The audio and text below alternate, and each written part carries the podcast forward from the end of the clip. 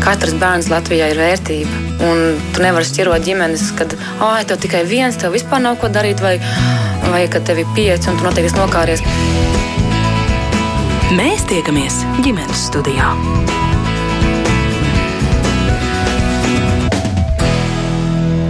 Labdien! Šis ir raidījums ģimenes studija, un šī raidījuma producente ir Sarmīta Kolāte. Uh, šo raidījumu palīdz uh, palaist gaisā un uh, pasaulē arī Toms Šits un Rita Karnača. Šeit studijā pie mikrofona šai stundā būšu es Agnese Drunka. Un, Mēs jau raidījuma pieteikumā dzirdējām, vārds ģimene piesaukts vairāk kārt, un mēs esam tajā brīdī šeit Latvijā, kad nu, to ģimenes definīciju katrs velk kā tādu deķīti uz savu pusi, protams, pēc savas izpratnes un pēc saviem ieskatiem un pēc savas dzīves pieredzes. Tāpat laikā mums ir svarīgi atcerēties, mums blakus dzīvo cilvēki, kuru ģimenē bērnu nav. Kādam tas ir ļoti apzināts lēmums, kas ir pieņemts diskutēt diskutējot uh, savā starpā pārīm, un kādam savukārt tas tiešām ir dzīves pārbaudījums. Uh, un es uzdodu tādu uh, iespējams provokatīvu un, un iespējams bīstamu jautājumu, vai ģimene bez bērniem vispār ir ģimene. Un šodien šīs stundas laikā mēs noteikti arī sarunāsimies par to, kādas vispār tiesības ir apkārtējiem izteikt viedokli par ģimeni, kurā ir vai nav bērni.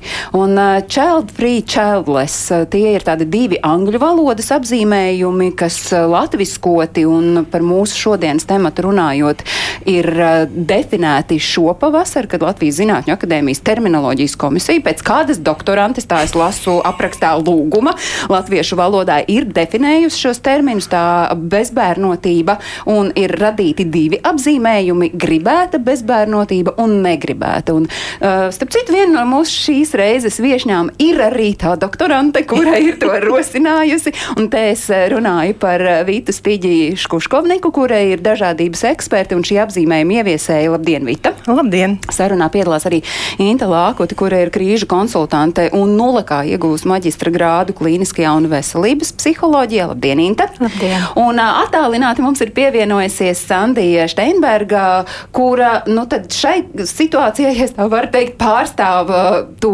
gribēto bezbērnotību. Sveic Sveicināti, Sandija! Sveiki! Man būs komentārs par šo, bet labi. Komentāru es prasīšu katrai no jums par šo, bet Jā. Eh, es gribu atgādināt, ka šis ir raidījums, kurā mēs ejam tādā ciešā sazobē ar jums, klausītāji, un tāpēc jūs esat laipni gaidīti iesaistīties mūsu sarunā. Komentāri, viedokļi, pārdomas, pieredzes stāsti, tas ir tas, ko jūs varat sūtīt, ieejot Latvijas radio mājaslapā, tiešo ziņu adresējot raidījumam, kas šobrīd skan ētrā, un tas ir raidījums ģimenes studija. Bet uh, pirms es uh, Sandijai lūkšu komentāru, es uh, prasīšu Vitai, ka, un es atgādinu. Es arī uzreiz atvainojos visiem klausītājiem. Es būšu ar studijas viesņām uz to, tāpēc, ka mēs esam iepriekš tikušās un jau kaut kad pirms kādiem pārdesmit gadiem vienojušās, ka mēs varētu būt uz to, tāpēc tas nav tāda mana familiaritāte, bet vienkārši tāpēc, ka mēs zinām vienu otru. Vita, kāpēc tev bija svarīgi šos uh, terminus definēt un, un, un Tātad gribēta bezbērnotība, negribēta, ne, otrs pazuda man. Negribēta. Negribēta, gribēta, gribēta apstākļi nosacīti un pagaidu, jā. Um, tāpēc, ka pirms gandrīz diviem gadiem es izveidoju savu Instagram profilu dzīvu bez bērniem. Uh, sākotnēji ar šo vēstījumu, ka es gribu palīdzēt citām sievietēm justies, ka viņas nav vienas tieši šajā negribētās bezbērnotības jautājumā.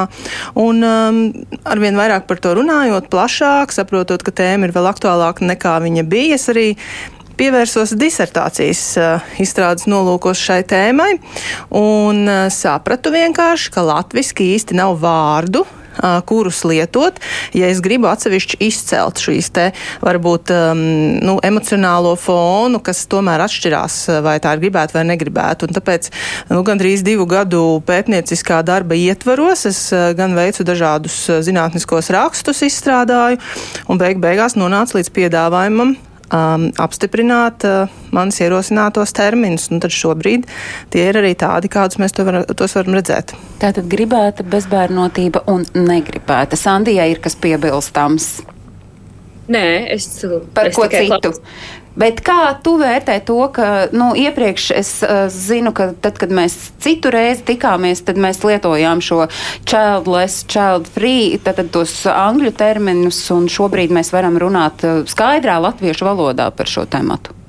No, nē, tas ir fantastiski, protams, viennozīmīgi. Nu, eh, klausītāji, eh, ja nav sekojuši jūsu dzīves gājumam eh, līdz šim, tad droši vien mums būtu svarīgi dzirdēt to jūsu katras pieredzes stāstu, proti kādā dzīves punktā katra no jums šobrīd ir saistībā ar bezbērnotību. Vita, ņemot vērā, ka tu par šo tematu esi sākusi jau pirms vairākiem gadiem runāt gan atklāti un, un, un tieši, tad arī šoreiz uh, gaidīšu no tevis pirmās. Uh, jā, mans, uh, un varētu teikt, mana un mana vīra stāsts ir uh, tāds, ka, jā, pirms vairāk kā desmit gadiem mēs uzzinājām, ka mums nevar būt bioloģisko bērnu. Um, un, protams, ka tas bija milzīgs šoks. Uh, Un tad kaut kādā brīdī izējot no tās bedres, kad es biju jau kādu laiku gājusi psihoterapijā, bišķiņi sapratusi, ka es varu dzīvot arī varbūt savu dzīvi ar citiem mērķiem un citiem sapņiem, pieņemot šo dzīvi arī bez bērniem. Mm, nu jā, es sāku par to runāt.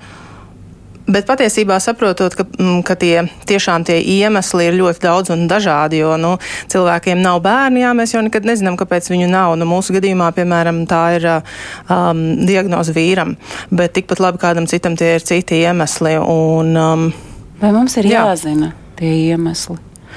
Vai jums ir jāstāsta tie iemesli, vai man, vai kādam no klausītājiem ir jāzina tie iemesli? Nu, droši vien jau, ka nav. Principā jau mums katram ir tiesības savu privātumu un privāto dzīvi, vai ne? Bet uh, noteikti mēs visi zinām, un uh, daudz no mums ir saskārušās ar šiem uzbāzīgajiem un uh, bezgalīgajiem jautājumiem.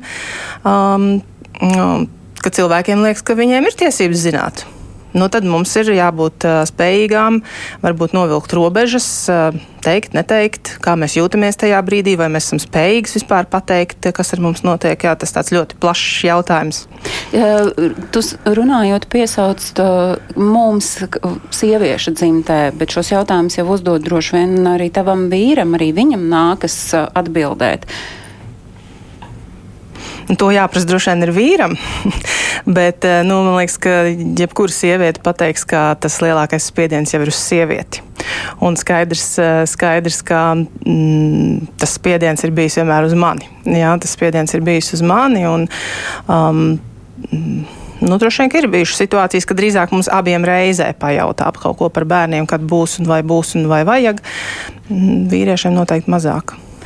Inta, kādā punktā tu šobrīd esi un kāds ir tas pieņemšanas ceļš, pieņemt to, ka mēs esam ģimene, mēs būsim ģimene, bet bez bērniem? Mēs šobrīd ģimenē mums ir tā situācija, ka mēs gribam, bet nevaram. Mums pieredzē ir četras dzemdības ar četriem dēliem, kur nav priekšrocība audzināt un redzēt viņus uzaugam. Un tajā pēc ceturtajām dzemdībām mēs vienkārši pieņēmām lēmumu, ka mēs vairs tālāk ceļu neiesim, jo šis jau ir par daudz, par intensīvu, un tas ceļš atlapšanai ir gana grūts un daudz prasa no mums gan fiziski, gan emocionāli. Un tas atlapšanas ceļš ir gana, gana garš patiesībā. Tur ir daudz, daudz piedošanas, daudz sāpju, daudz tādu traumatisku, emocionālu sāpju, kurām jāiet cauri. Un es domāju, ka nav tāda viena veida vai ceļa, kā, kā mēs varam pieņemt šo esošo nu, situāciju, ka tagad mēs dzīvosim bez bērniem. Tas nav tāds vienas dienas lēmums, tas ir ļoti ilgs ceļš uz šo lēmumu. Un man negribas nobaidīt kādu klausītāju, kurš šobrīd ir ceļā domās par šo, vai, vai turpināt, mēģināt kaut kādā veidā tikt pie bērniem. Un, kad runājam par piedošanu, šis var būt ļoti tāds smeldzīgs jautājums un ievainojošs ļoti, kā to vispār var pieņemt. Nē, tas nav tāds mirkļa lēmums. Tas tiešām ir tāds, ko tev jāsajūt iekšienē, un ļoti garš ceļš ejams līdz tai pieņemšanai, ka tāda būs man dzīve bez bērniem. Bet šobrīd, nu, ja mēs runājam tajā terminoloģijā, nu, tad, ja kāds, piemēram, jautātu bezbērnotība Inta tavā ģimenē, tā ir gribēta vai negribēta? Es vienmēr saku, ka tā ir mana izvēle šobrīd. Un es nebaidos stāstīt par to pieredzi, kāda man ir, ka man ir šie četri tēli, es neslēpju to informāciju, un tas man iedod tādu brīvības sajūtu. Un tāpat laikā es zinu, ka, šā, nu, ja piemēram kāds man pajautā, vai tev ir bērni, nu, piemēram, pērkot suni, vai ne? Nu, šitas sunīts patīk visiem bērniem. Cik jums ir bērnu? Nē, mums nav bērnu sunīts mums, diviem pieaugušajiem. Mēs arī esam ģimene, un arī mums gribās to mīļo sunīti. Un, un parasti tas ir kā apliet ar augstu ūdeni otru, ka tu redz tajā sejas izteiksmē, viņš jau arī jūtas nērti kaut kādā ziņā eh, pie šai nonākot. Bet ir cilvēki, kuriem ir uzreiz pretjautājums, kāpēc? Kā, kāpēc jums nav bērnu? Un šeit man palīdz, ka es sagatavoju kaut kādas frāzes jau gadu gaitā, kas man palīdz kā, atsist to bumbiņu, neradot sāpes arī tam otram. Nu, tā ir tā divirziena šose. Ja var teikt tās frāzes, kuras nu, ir kabatā, ja nu gadījumā ir kāds. Nu, labu gribēts, tas jau tas atslēgas vārds, kas laikam vienmēr ir jāatceras, labu gribēts jautājums, bet patiesībā var izraisīt veselu emociju mm, izvirdumu. Jā, mums ar vīru patīk humoristiskā pieeja. Mēs parasti sakām, šito mēs eh, pa, vēl padiskutēsim guļamistabā. Nu, kā, tad parasti jautājumu vairs nav, jo neviens jau negrib to degunu iebāzt tajā guļamistabā. Bet reizēm es esmu teikusi, arī šobrīd nav. Nu, kā, tas arī iedod tādu bišķiņu punktiņu, ka tad tālāk es neturpinu to sarunu. Um, mans aicinājums ir padomāt par tām frāzēm, kas der tev, nu, kas apstādina to sarunu, kur nav vairs tie atvērtie jautājumi, kas parasti mūs sāpina ļoti par uh, lēmuma pieņemšanu, par izdiskutētu lēmumu noteikti var savā pieredzē dalīties uh, Sandija, jo es tevi pieteicu raidījumā kā sieviete, kura ir ģimenē, ir pāris, un jūs šobrīd esat izvēlējušies šo gribēto bezbērnotību. Jā, taisnība. Mums gan nebija tādas varbūt garas diskusijas par to. Man ir 31 gads, un godīgi sakot, es nezinu, kā es nonācu līdz šim te mm, momentam, kad mani uzrunā kā bezbērnu, kā sieviete, kas izvēlējusies bezbērnotību, jo man ir vēl ļoti daudz draudzenes, mana vecuma un vecākas, kuras ir arī to izvēlējušās, bet uh, es nezinu, kāpēc viņām to neviens nejautā. Un tāpēc šis, ir, šis nav gribēts, tā teiksim, uh, status, ko, ko man ir uh, sanācis dabūt. Uh, bet uh, jā, mēs vienkārši tieši tik vienkārši nu, nejūtam, ka mums vajag, vai ka mums trūkst, vai ka mums gribās. Es, nu, tas var ilgi iet un rakt, un kāpēc, un tā, bet priekš kam tas vajadzīgs, ja mēs abi jūtamies ļoti labi viens ar otru, ļoti labi mūsu ģimenē, mūsu paplašinātajā ģimenē un arī sabiedrībā kā tādā. Man patiesībā, kad zvanīju un aicināju uz šo uh, uh, radio raidījumu un uzdevu šo jautājumu, es biju uz tādas pauzes tieši par momentu, vai ģimene bez bērniem ir ģimene. Man rodas jautājums, kurš to jautā? Pat parādiet man cilvēku, kurš to jautā. Un ja viņš jautā, kāds ir viņa nodoms šim jautājumam? Ko viņš grib ar šo pajautāt? Man, man ir sajūta, ka mēs runājam par vai balts ir balts vai melns ir melns, jo, protams, ka ģimene bez bērniem ir ģimene. Šo pašu jautājumu turpināšu uzdot arī šeit studijas viesņām Inta Vīta. Uh, kāpēc varbūt vispār šāds jautājums rodas un nu, kurienes tam aug kājas un kāda tad varbūt ir tā jūsu ģimenes definīcija? Nu, pirms nākot uz raidījumu, es vēl pat iegūlēju speciāli dažādās platformās, lai paskatītos, kāda tad ir ģimenes definīcija. Un jāsaka, ka nemaz nav tik viennozīmīgas atbildes. Un, uh, un man liekas, tiešām uh, mūsdienās uh, nu, ir jāsaprot, ka ģimene ir kaut kas, varbūt vairāk nekā standarta reklāmās šis heteroseksuālais pāris, trīs bērni un suns? Um, um, bet man šķiet, ka jāsaka tā, ka tad, kad es biju pati ļoti zemā bedrē un tiešām zaudēju savu sapni par, par, par ģimeni ar bērniem un kaut kādas iedomātās um, nākotnes, nezinu, iespējas, ko es biju sev iedomājusies, uh, tad, tad jā, man nu, bija diezgan ilgs laiks, kad man bija grūti pateikt, ka mēs ar vīru esam ģimene. Man tiešām likās, ka mēs neesam ģimene. Bet uh, tie jau ir tie stereotipi, kas mūsos vienkārši dziļi iesēdušies no vēstures, no dažādiem aizspriedumiem, no dažādiem pieņēmumiem lēmumiem.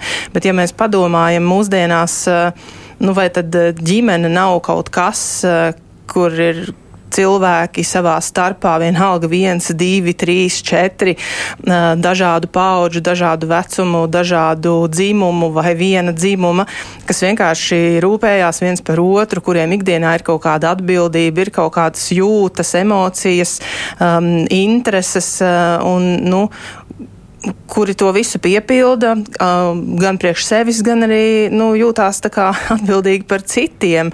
Un ir absolūti pilnīgi vienalga, vai viņiem ir, nezinu, ir piemēram arī noslēgta laulība vai nav. Viņiem ir šī, te, šī te sajūta un dzīve, kur viņi dzīvo. Un, jā, nu, ģimene ir arī tiešām viena sieviete ar suni vai viens vīrietis ar kaķi. Nu, viņam tā vai ir tieši tāpat kā, kā mums Latvijā ne, neļausit jūs samalot un klausītāji droši vien arī piekritīs, cik ļoti daudz ģimeņu, kur jau tās divas sievietes audzina vienu vai divus vai vairākus bērnus, un tās nav sievietes, kuras ir attiecībās, nu tādās, kā mēs iedomājamies. Tā ir mamma un vecmāmiņa, kur izaudzina brīnišķīgus dēlus un, un, un meitas, un, un te man katru reizi par to ģimenes definīciju mm, rodas tas jautājums, kāpēc mums tik ļoti uh, gribas kaut kādā rāmī to ģimeni ielikt. Bet tomēr, ja mēs esam sākuši ar, ar vārdiem uh, spēlēties par to, kas ir ģimene, Inta, kā tu sevi esi noformulējusi, kas ir ģimene? Man šis jautājums vienmēr liek drusku pasmaidīt, jo es pati esmu saskārusies tieši ar šo, šo te jautājumu ģimenes aspektā. Un tā kā vecvecmāmiņa bieži vien saka, nu kad tad jums būs bērniņi, tas bija agrākos laikos, kamēr mēs vēl nebijām piedzīvojuši šo zaudējumus. Un, un ja divi cilvēki jau nav ģimene. Un tas tā ļoti sāp, nu, kad tev pasaka, un liekas, ko tad mēs te divi darām, ja neveidojam ģimeni vai ne? Jo mans personīgais uzskats ir tāds, ka nu, to saikni jau mēs veidojam kā pāris viens ar otru, un tie bērni jau nāk mums bonusā, kas paplašina to ģimeni. Un tāpēc teikt, ka divi cilvēki nav ģimene, ir diezgan neobjektīvi. Un, um, es domāju, ka. Mm, mēs ar vīru bieži arī esam par šo runājuši. Nu, kā mēs jūtamies paši tajā? Jo daudz jautājumu ir par šo. Jūs neesat ģimene vai ne? Nu, labi, paņemiet sunīti no sērijas, audzināsiet kā savu bērnu, bet tas arī nav gluži viens un tas pats, vai ne? Tas ir veids, kā es varu izrādīt rūpes par kādu, atbildību uzņemties par kādu savā dzīvē un gūt arī prieku, bet tas neaizvietos man to, to identitātes zudušo daļu, ka es esmu kā mamma kādam, vai ne? Un kas paplašina manu ģimeni. Nevis ir mana ģimeni, bet paplašina šo stāvokli. Klausītājs raksta, ka, manuprāt, temats ir ļoti aktuāls arī planētas pārapdzīvotības kontekstā. Es ierosinu ģimenes tēmu paplašināt, vai ģimene, kurā ir divas mammas un divi tēti un bērni ir ģimene, un vai par to jebkādam ir tiesības izteikt komentārus. Uh, un par to, kādā mēs esam šobrīd punktā, raksta vēl kāda klausītāja, kur saka, es dzīvoju divu cilvēku ģimenē bez bērniem, un ir ļoti nepatīkami, ka bieži tiek daudzinātas aktivitātes un pasākumi, pasākums ģimenei, kur viss sastāv tikai no bērniem. Man ir sajūta, ka es un mans dzīves biedrs neesam pilnvērtīgi pilsoņi, mūs neņem vērā, mēs neskaitāmies, bet tas nav pareizi. Arī mēs esam ģimene, arī mēs esam pelnījuši pasākums, kas atbilst pieaugušiem cilvēkiem, nevis tikai tikai bērniem, un tad arī tas tiek noformulēts kā pasākums e, ģimenei. Un, uh, viņu neinteresē, viņi ir absolūti neinteresanti politikai, kas arī ir viens uh, rādītājs, jo viņus neinteresē skolas, bērnu dārs, tad neinteresē arī jauno māmiņu algas, uh, piedalāmies vēlēšanās, bet par ko? Kā, Sandija, tev ir tā sajūta? Nu, cik tu esi pieņemta, jūs ar vīru pieņemta sabiedrībā kā ģimene, un kur jūs sajūtat, ka uh, tas, ka jums nav bērnu, nu, jūs padara par, uh, nu, nu, tā varbūt būtu šausmīgi traki teikt, uh, nu, tā kā par uh, mazāk vērtiem. Mm -hmm. Nevienā brīdī, nekad dzīvē es neesmu tā jutusies. Uh, arī kā es stāstīju, ne savā ģimenē ar vīru, un ne arī savā paplašinātajā ģimenē ar mamām, ar omēm. Mēs par to visu esam runājuši. Mēs esam tādi bišķiņi itāļu ģimenīti, jo mēs esam ļoti tuvi visi. Mēs uh, gandrīz vai dzīvojam kopā pa dažādām mājām, ļoti tuvu katru dienu tiekamies. Nekad no savas ģimenes es neesmu jutusies. Uh, mazāk vērtīgi, tāpēc, ka es neesmu dzemdējusi bērnus. Tas ir viens. Un sabiedrībā arī patiesībā nekad man nav bijis tā, ka es, piemēram, paskatos, kad būs uh, pasākums ģimenēm ar bērniem. Es nekad neizlasu ģimenēm ar bērniem. Es izlasu, o, oh, būs pasākums. Tas ir tas, kā es to redzu. Ļoti iespējams, jo man nav šīs, mm, šajā tēmā šī sāpīgā pieredze. Varbūt tādēļ tas ir, ja es par kādu citu tēmu, varbūt izlasīt, es to redzētu, man tas acī durtos vairāk un sāpētu. Uh, arī es esmu izveidojusi kaut vai tajos pašos uh, sociālajos tīklos līdzīgi savu to komunu. Arī, kad man jautāja par šo radio raidījumu, es pajautāju viņu viedokli. Un tiešām ļoti dažiem pat tas bija aizvainojoši dzirdēt, kad šādu jautājumu uzdod. Viņi teica, nē, Kā, kas, kā var te uzdot tādu jautājumu? Tas ir nu, nerespektējot tevi, bet uh, man bija vienkārši dzirdēt viņu, uh, interesanti dzirdēt viņu viedokļus. Un arī viņi savukārt absolūti, tā mana mazā komūna, mazā lielā, uh, relatīvi redz mani kā pilnvērtīgu cilvēku, mani, manu vīru, mūsu ģimeni, mūsu suni. Un uh, tiešām, jā, nekad es esmu laimīga savā šī brīža lēmumā, un es nejūtos atstumta no sabiedrības. Man arī, nu, ja tā pavisam godīgi, man nevajag šo apstiprinājumu no pilnīgi nezināma cilvēka par to, kad, kad un vai man dzemdēt. Man tiešām, es no visas sirds varu pateikt, man to nevajag. Kā mēs varam skatīties, tad, tad Jā. tas, ko Sandīpa piemin, ka ir šī, nu, tā, tā ir viņas izvēle, un līdz ar to var skatīties citādi. Jūs, Vita un, un Inta, esat, nu, tāda ja es varu teikt, redzamā daļa mm. tai patiesajai negribētajai bezbērnotībai Latvijā. Es eh, klausījos, ko, ko Sandija teica, un man, eh, man ļoti patika, ka no Sandijas nāk šis pozitīvisms un šī pārliecība par sevi. Un, uh, nu, it kā no vienas puses par lēmumu, no otras puses viņa saka, ka tas tā kā nav bijis tāds, nu, tā kā drausmīgi izsvērs ilgtermiņa tur lēmums, un tagad visiem par to jāizstāst. Bet tas ir tieši tas, kas arī um, pie tiem terminiem uh, ir klāt aprakstā minēts un visos pētījumos minēts, ka šī te uh, gribētāja bezbērnotība, child free, tieši ir caur to, ka tas nāk ar šo pozitīvo skatījumu, kāpēc nebūs šie bērni dažādu iemeslu dēļ. Arī tas, ko klausītāji bija minējuši gan par pārapdzīvotību, par klimata izmaiņām, par, par drošību pasaulē, par, par kariem un, un, un arī, nu, arī par brīvību, par kaut kādām citām izvēlēm. Pielikšu vēl klāt uh, totāli, atbild, totāli atbildīgu bērnu gribošu vīriešu trūkums, pārslodzi darbā un laika trūkums, bailes izaudzināt kārtējo patērētāju, finansiālā nestabilitāte darbu, ar darbu valstī. Klausītāji papildina jā, tos iemeslus. Jā, tieši tā, šie iemesli ir ļoti daudz uzskaitīt, viņas nav iespējams, un katram tie būs savi. Um, un es domāju, ka tā arī ir tā lielā, lielākā atšķirība tai pretējai, kas būtu šī negribētā bezbērnotība, kur tomēr tiešām uh, pētījumi rāda, ka to visu raksturo tiešām galvenais, kas raksturo arī, ko Inte jau smuki pastāstīja, ir šis zaudējums, sēras, sāpes, nevis par to, ko tu tā kā īsti nepiedzīvoji, nedzemdējot bērnu vai nespējot viņu radīt, bet arī par visu nākotni, ko tu biji iedomājies ar bērniem. Un, eh, un tieši tāpēc jau eh, iespējams, ka mēs arī vairāk pamanam jā, šīs gan pasākums, gan aktivitātes, gan, eh, gan vārdu ģimene, kur vienmēr atšifrējumā nozīmē automātiski, ka tur būs bērni, jo tiešām, nu, kā kādu no jums šeit arī minēja, ģimenes pasākums vienmēr nozīmēs, ka tas būs priekš bērnu, nu, principā 90% tur būs bērnu aktivitātes, vai, teiksim, mēs redzam, nezinu, kaut kādos muzejos, parkos vai kaut kur būs ģimenes biļete vai ģimenes piedāvājums automātiski mēs redzam simboliņus ar, ar pieaugušajiem un bērniem.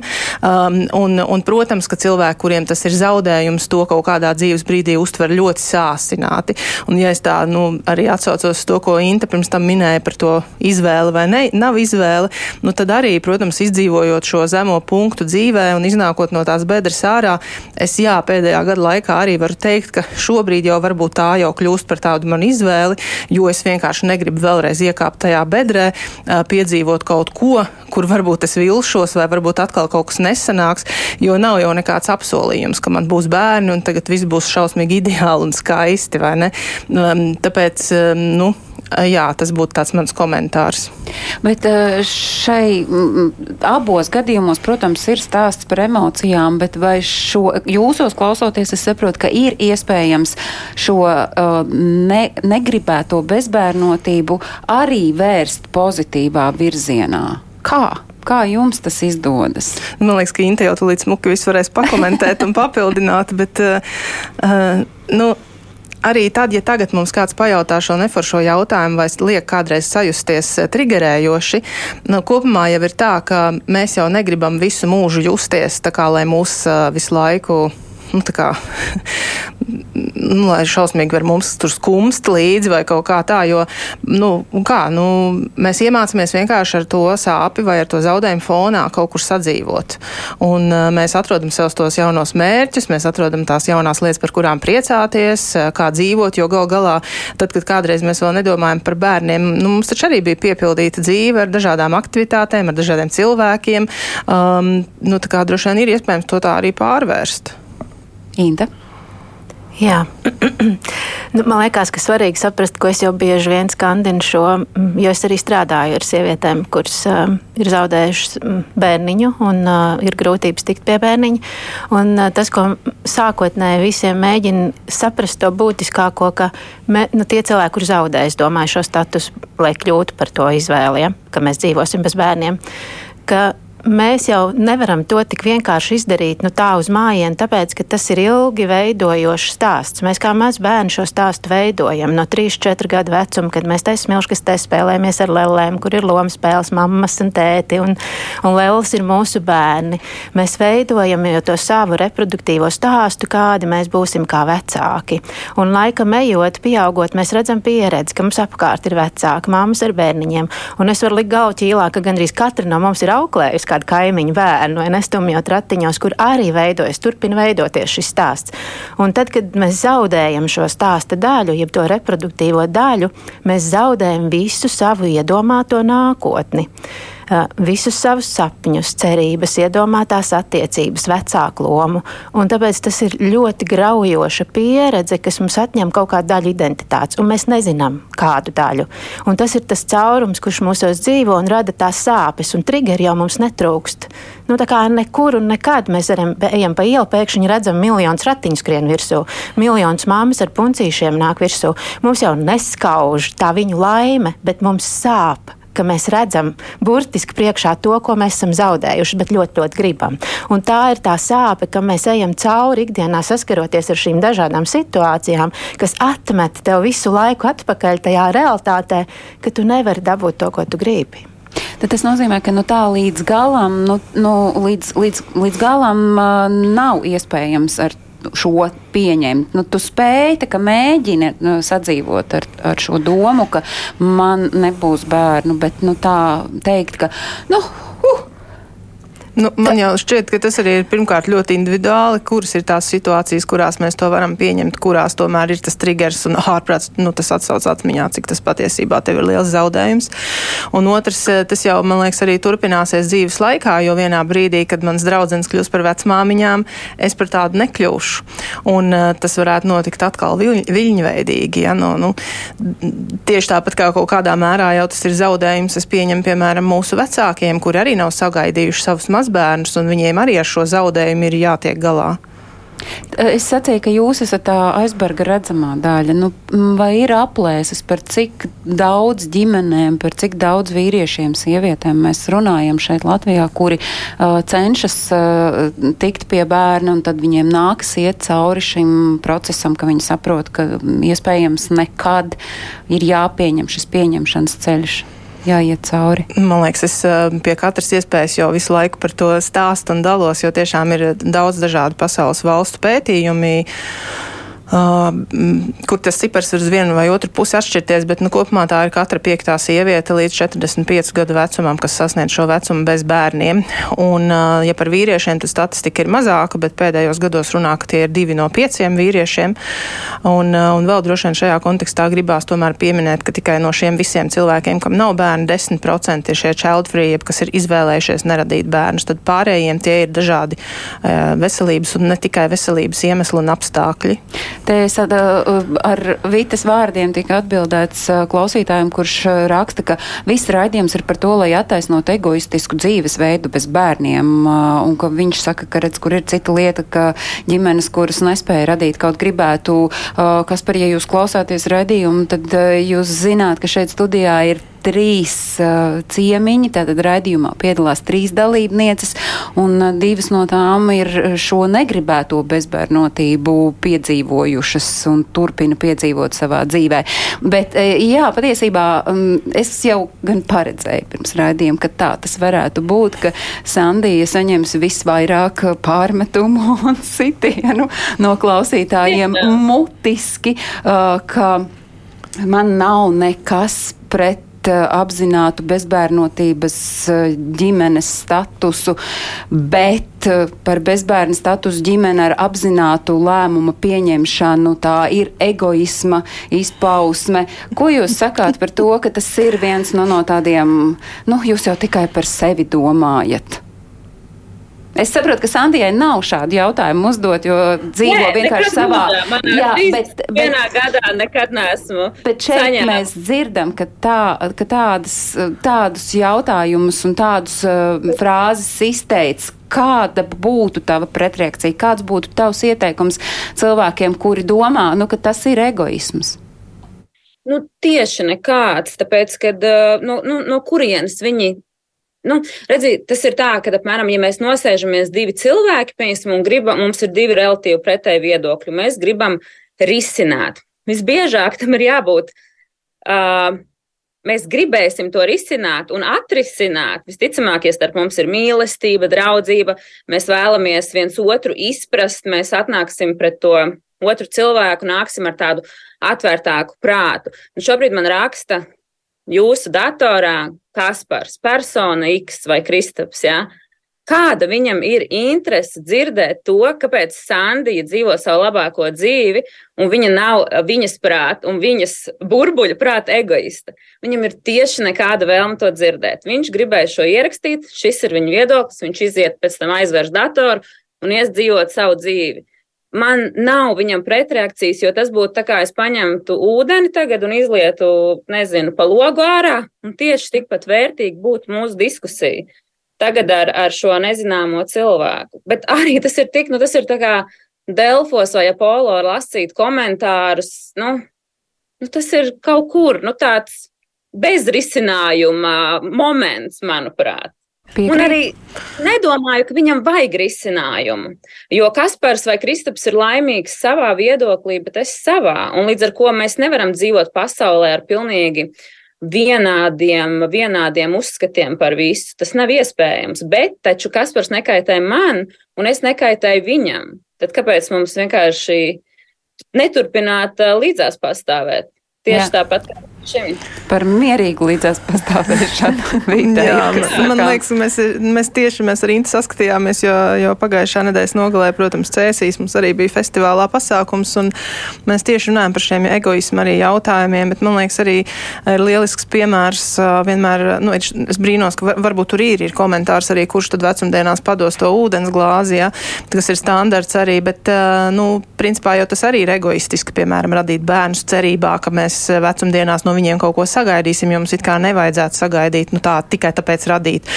Otrs eh, man nāk prātā, mm, kad, eh, nu, patiesībā cilvēki, kuriem nav bērnu, viņi, tā kā tu jau arī sākumā minēji, mēs neizmantojam bērnu kopšanas atvaļinājumus, mēs iespējams neņemam šīs valsts brīvdienas vai kaut kādas priekšrocības, kas ir uh, tieši priekš bērniem vai vecākiem ar bērniem.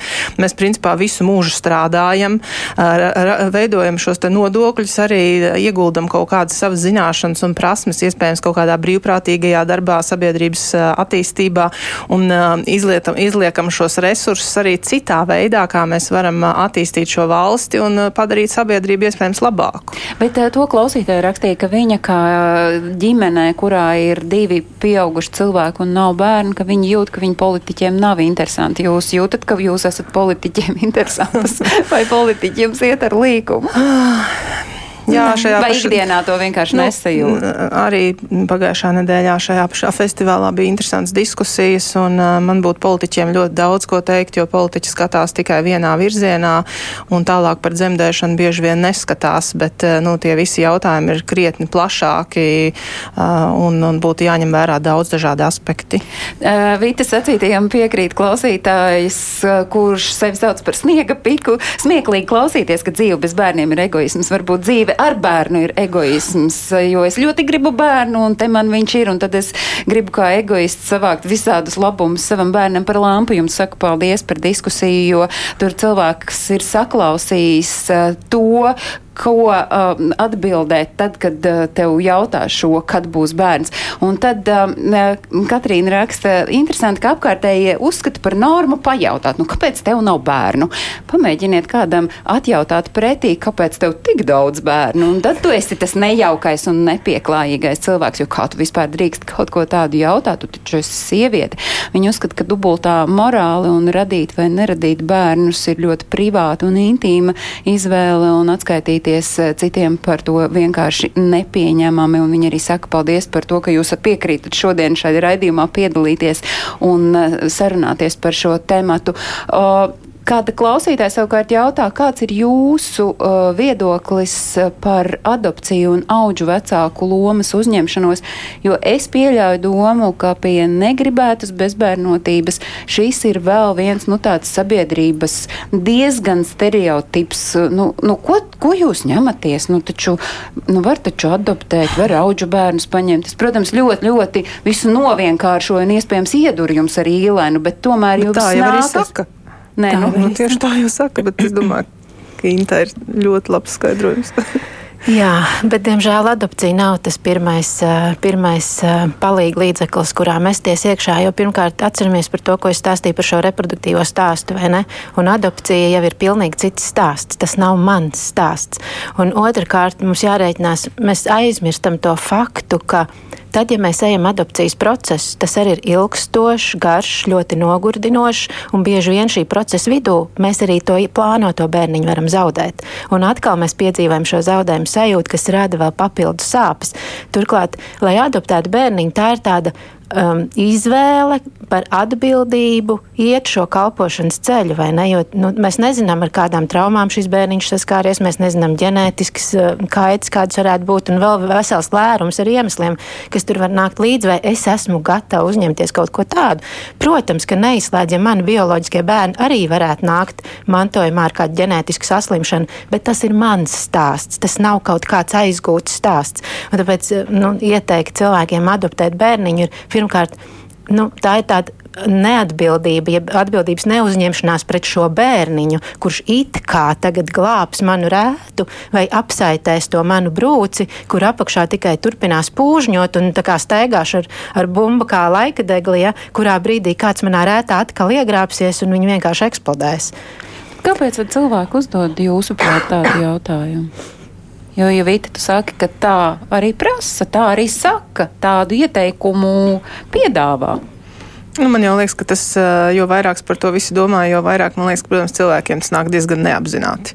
Jā. Jebkurš komentārs šāds nāk neapzināti, jo kaut kur fonā ir šī sajūta, bet nu, varbūt es varu kaut kā tev palīdzēt, varbūt ieteikšu kaut ko, nu, ko tu vēl tā kā nezināji. Nu, nu, noteikti mēs nezinājām, vai ne? Un, un noteikti es varētu arī pastāstīt kādas pieredzes no radiem draugiem paziņām, un ka iespējams tieši tas ir tas, kas tev palīdzētu. Bet, nu, katram ir jāsaprot, ka, nu, nu, pirmkārt, ja par adopciju runā, tad jebkuram droši vien ir šādas iespējas, un, ja ir vēlēšanās un aicinājums to darīt. Un par visiem pārējiem komentāriem un ieteikumiem, nu, ko jau es arī vienmēr saku, ka nu, katrs domā, ka viņš ir viens vienīgais šīs pasaules, kas man atnāca un tagad kaut ko pateica, bet viņam ir jāsaprot, ka viņš ir viens no miljonus, kas man saka vienu un to pašu.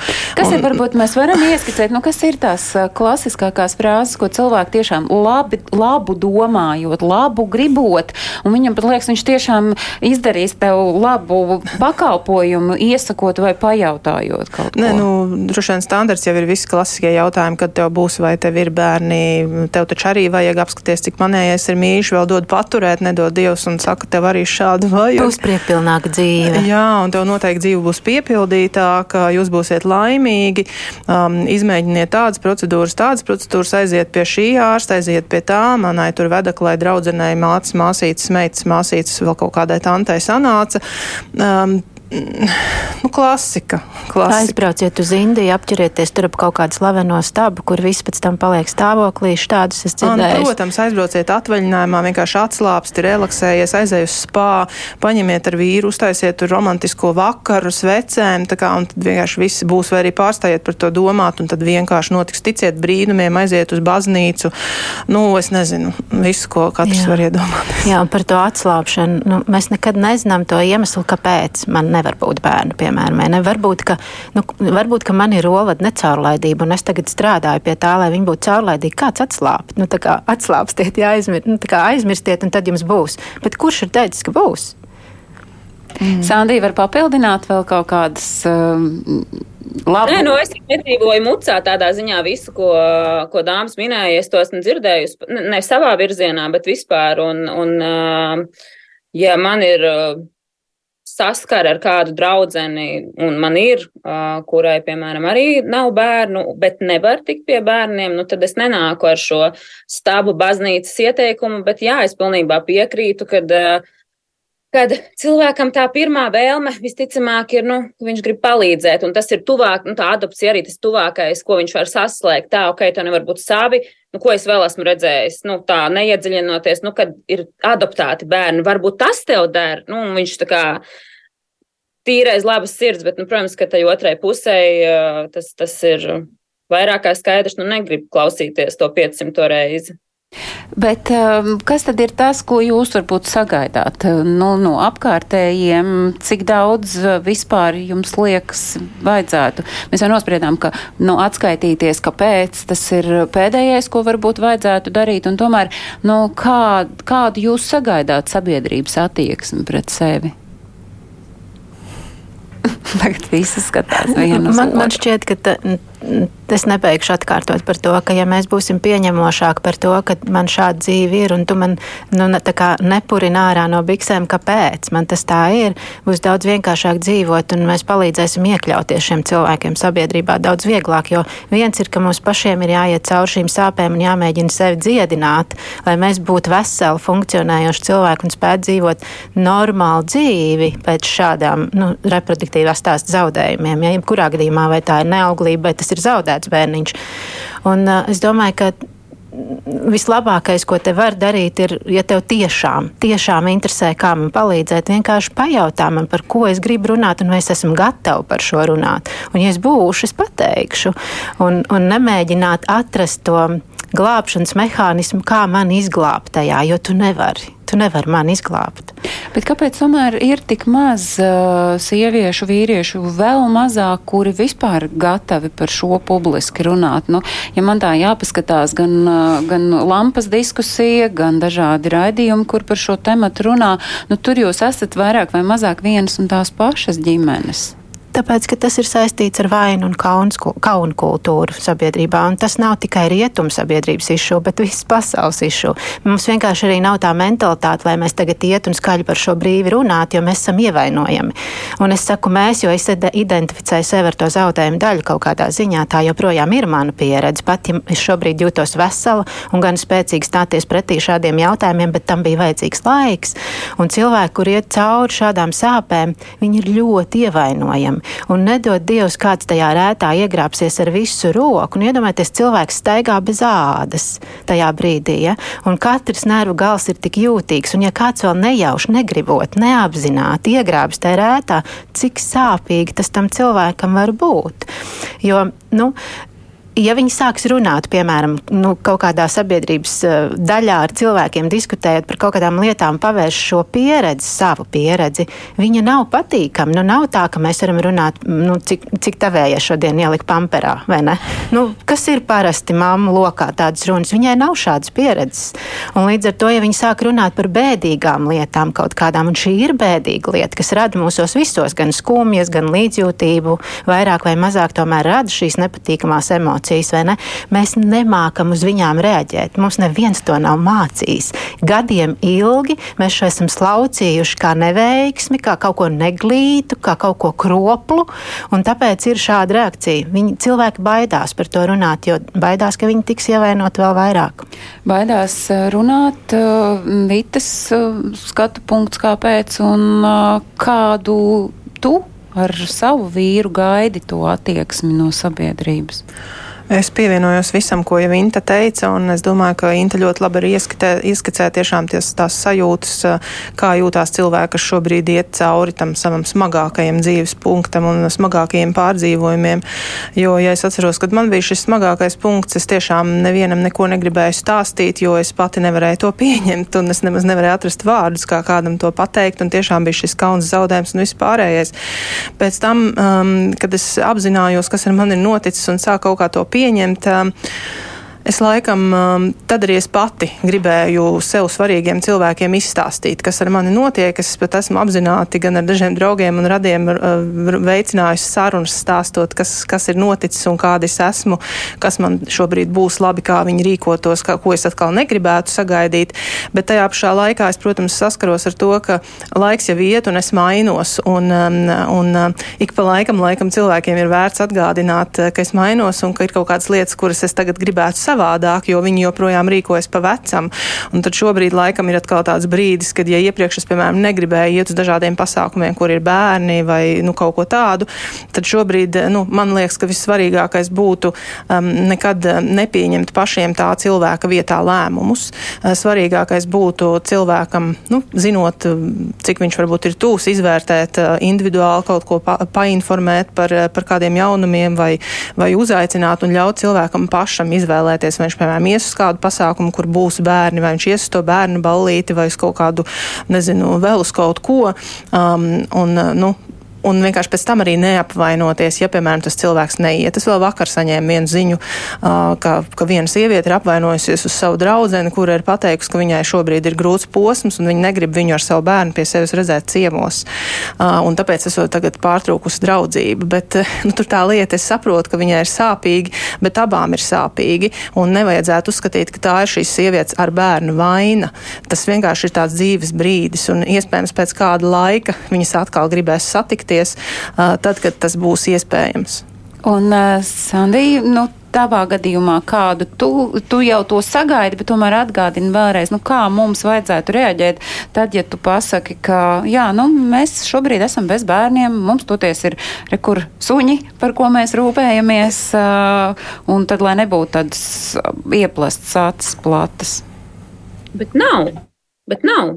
Bet tiešām, es, es tiešām godīgi saku, nav. Nav tā, ka kad, kad kāds ieplaš acis, kad es pasaku, ka mums nav bērni. Es tie, mm, man vispār eh, visa dzīvē ir, es zinu, zaudējums ir briesmīgi, viņi ir, zaudējumi ir dažādi, tāpēc es jūtos šeit nedaudz varbūt ne, neiederīgi šajā sarunā, jo tomēr diezgan eh, dažādas mums ir tās pieredzes, un es negribu arī šeit būt kā tāds uz kāda zaudējuma, kā tāds īlēns. Avot es negribu. Vat, nu, tāpēc es tā turos maliņā, kuras jūtos ļoti ērti.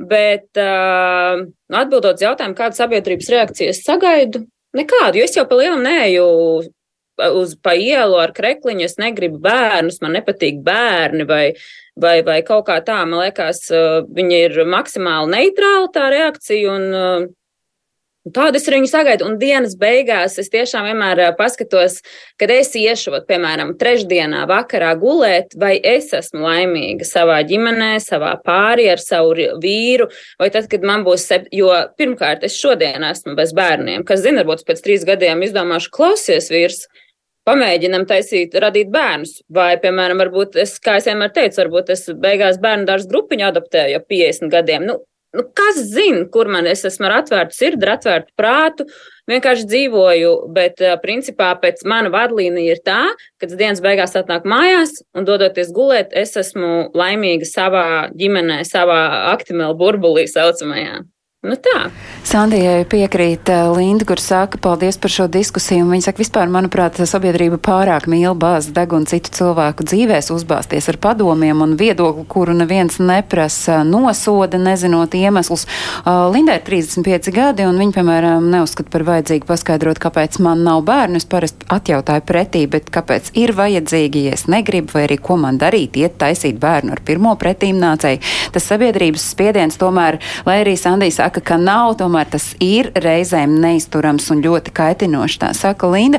Un savukārt Aigars rakstis apzināti 40 gadu vecumā izvēlējos gribētu bezbērnotību, galvenot Pirmkārt, sava rakstura dēļ, zinot, ka es nevaru nodzīvot ilglaicīgās attiecībās, kas vēlāk nozīmētu vecāku šķiršanos un bērniem traumu uz mūžu. Un šķirtajiem vecākiem es ieteiktu izmantot iespēju paklusēt pirms kaut ko pārmest tiem, kur ir izvēlējušies gribētu bezbērnotību. Protams, klausītāji ir ļoti aktīvi un acīm redzot, šis ir temats, kuram nu tādu punktu laikam mēs nekad īsti nevarēsim pielikt, jo skaidrs, ka sabiedrībai ir jāaug, mums ir jāmainās, mums ir jāspēj pieņemt eh, to, cik ļoti dažādas var būt ģimenes un nemēģināt eh, salikt visus pa kādiem nebūt rāmīšiem. Vēl kādas klausītājs eh, stāsts, kas liek mums aizdomāties uh, par šo, šī temata, nu, tos par tiem patiesajiem apmēriem. Viņai ir bijusi krust, ir krustmāte, ir sieviete, kur izvēlējās uh, dzīvi bez bērniem, un viņa ir dzīvojusi savu labāko dzīvi. Bet, kā klausītāji raksta, līdz šim šobrīd ir bārga slimība, un nav neviena, kam viņa būtu īsti vajadzīga, tikai man, jo es esmu vienīgā viņas radiniece. Un šobrīd manai ģimenei ir uh, smaga nasta uzkrauta, bet vai es varu izvēlēties būt um, auntfree, nu, tad, tad uh, brīva no tantes, visticamāk, nē, tā ka viņa mudina uh, jā. Un es uzreiz iedomājos, ka tas ir tas ne, pieņemošākais, ka tad, ja mums ir bērni, ka vecumdienās mēs nejutīsimies vientuļi vai mums nebūs kas par mums rūpējas, bet cik bieži mūsdienās mūsu bērni, pieaugušie bērni, ir bieži atšķirti gan emocionāli, gan geogrāfiski. Nu, vai ne? Tieši tā. Sandī piekrītam, un uh, uz šīs nots mēs arī noslēdzam uh, šo sarunu, pieliekot tādu treknu un pamatīgi daudz punkti, un noteikti par šo mēs vēl kādu dienu diskutēsim ģimenes studijā.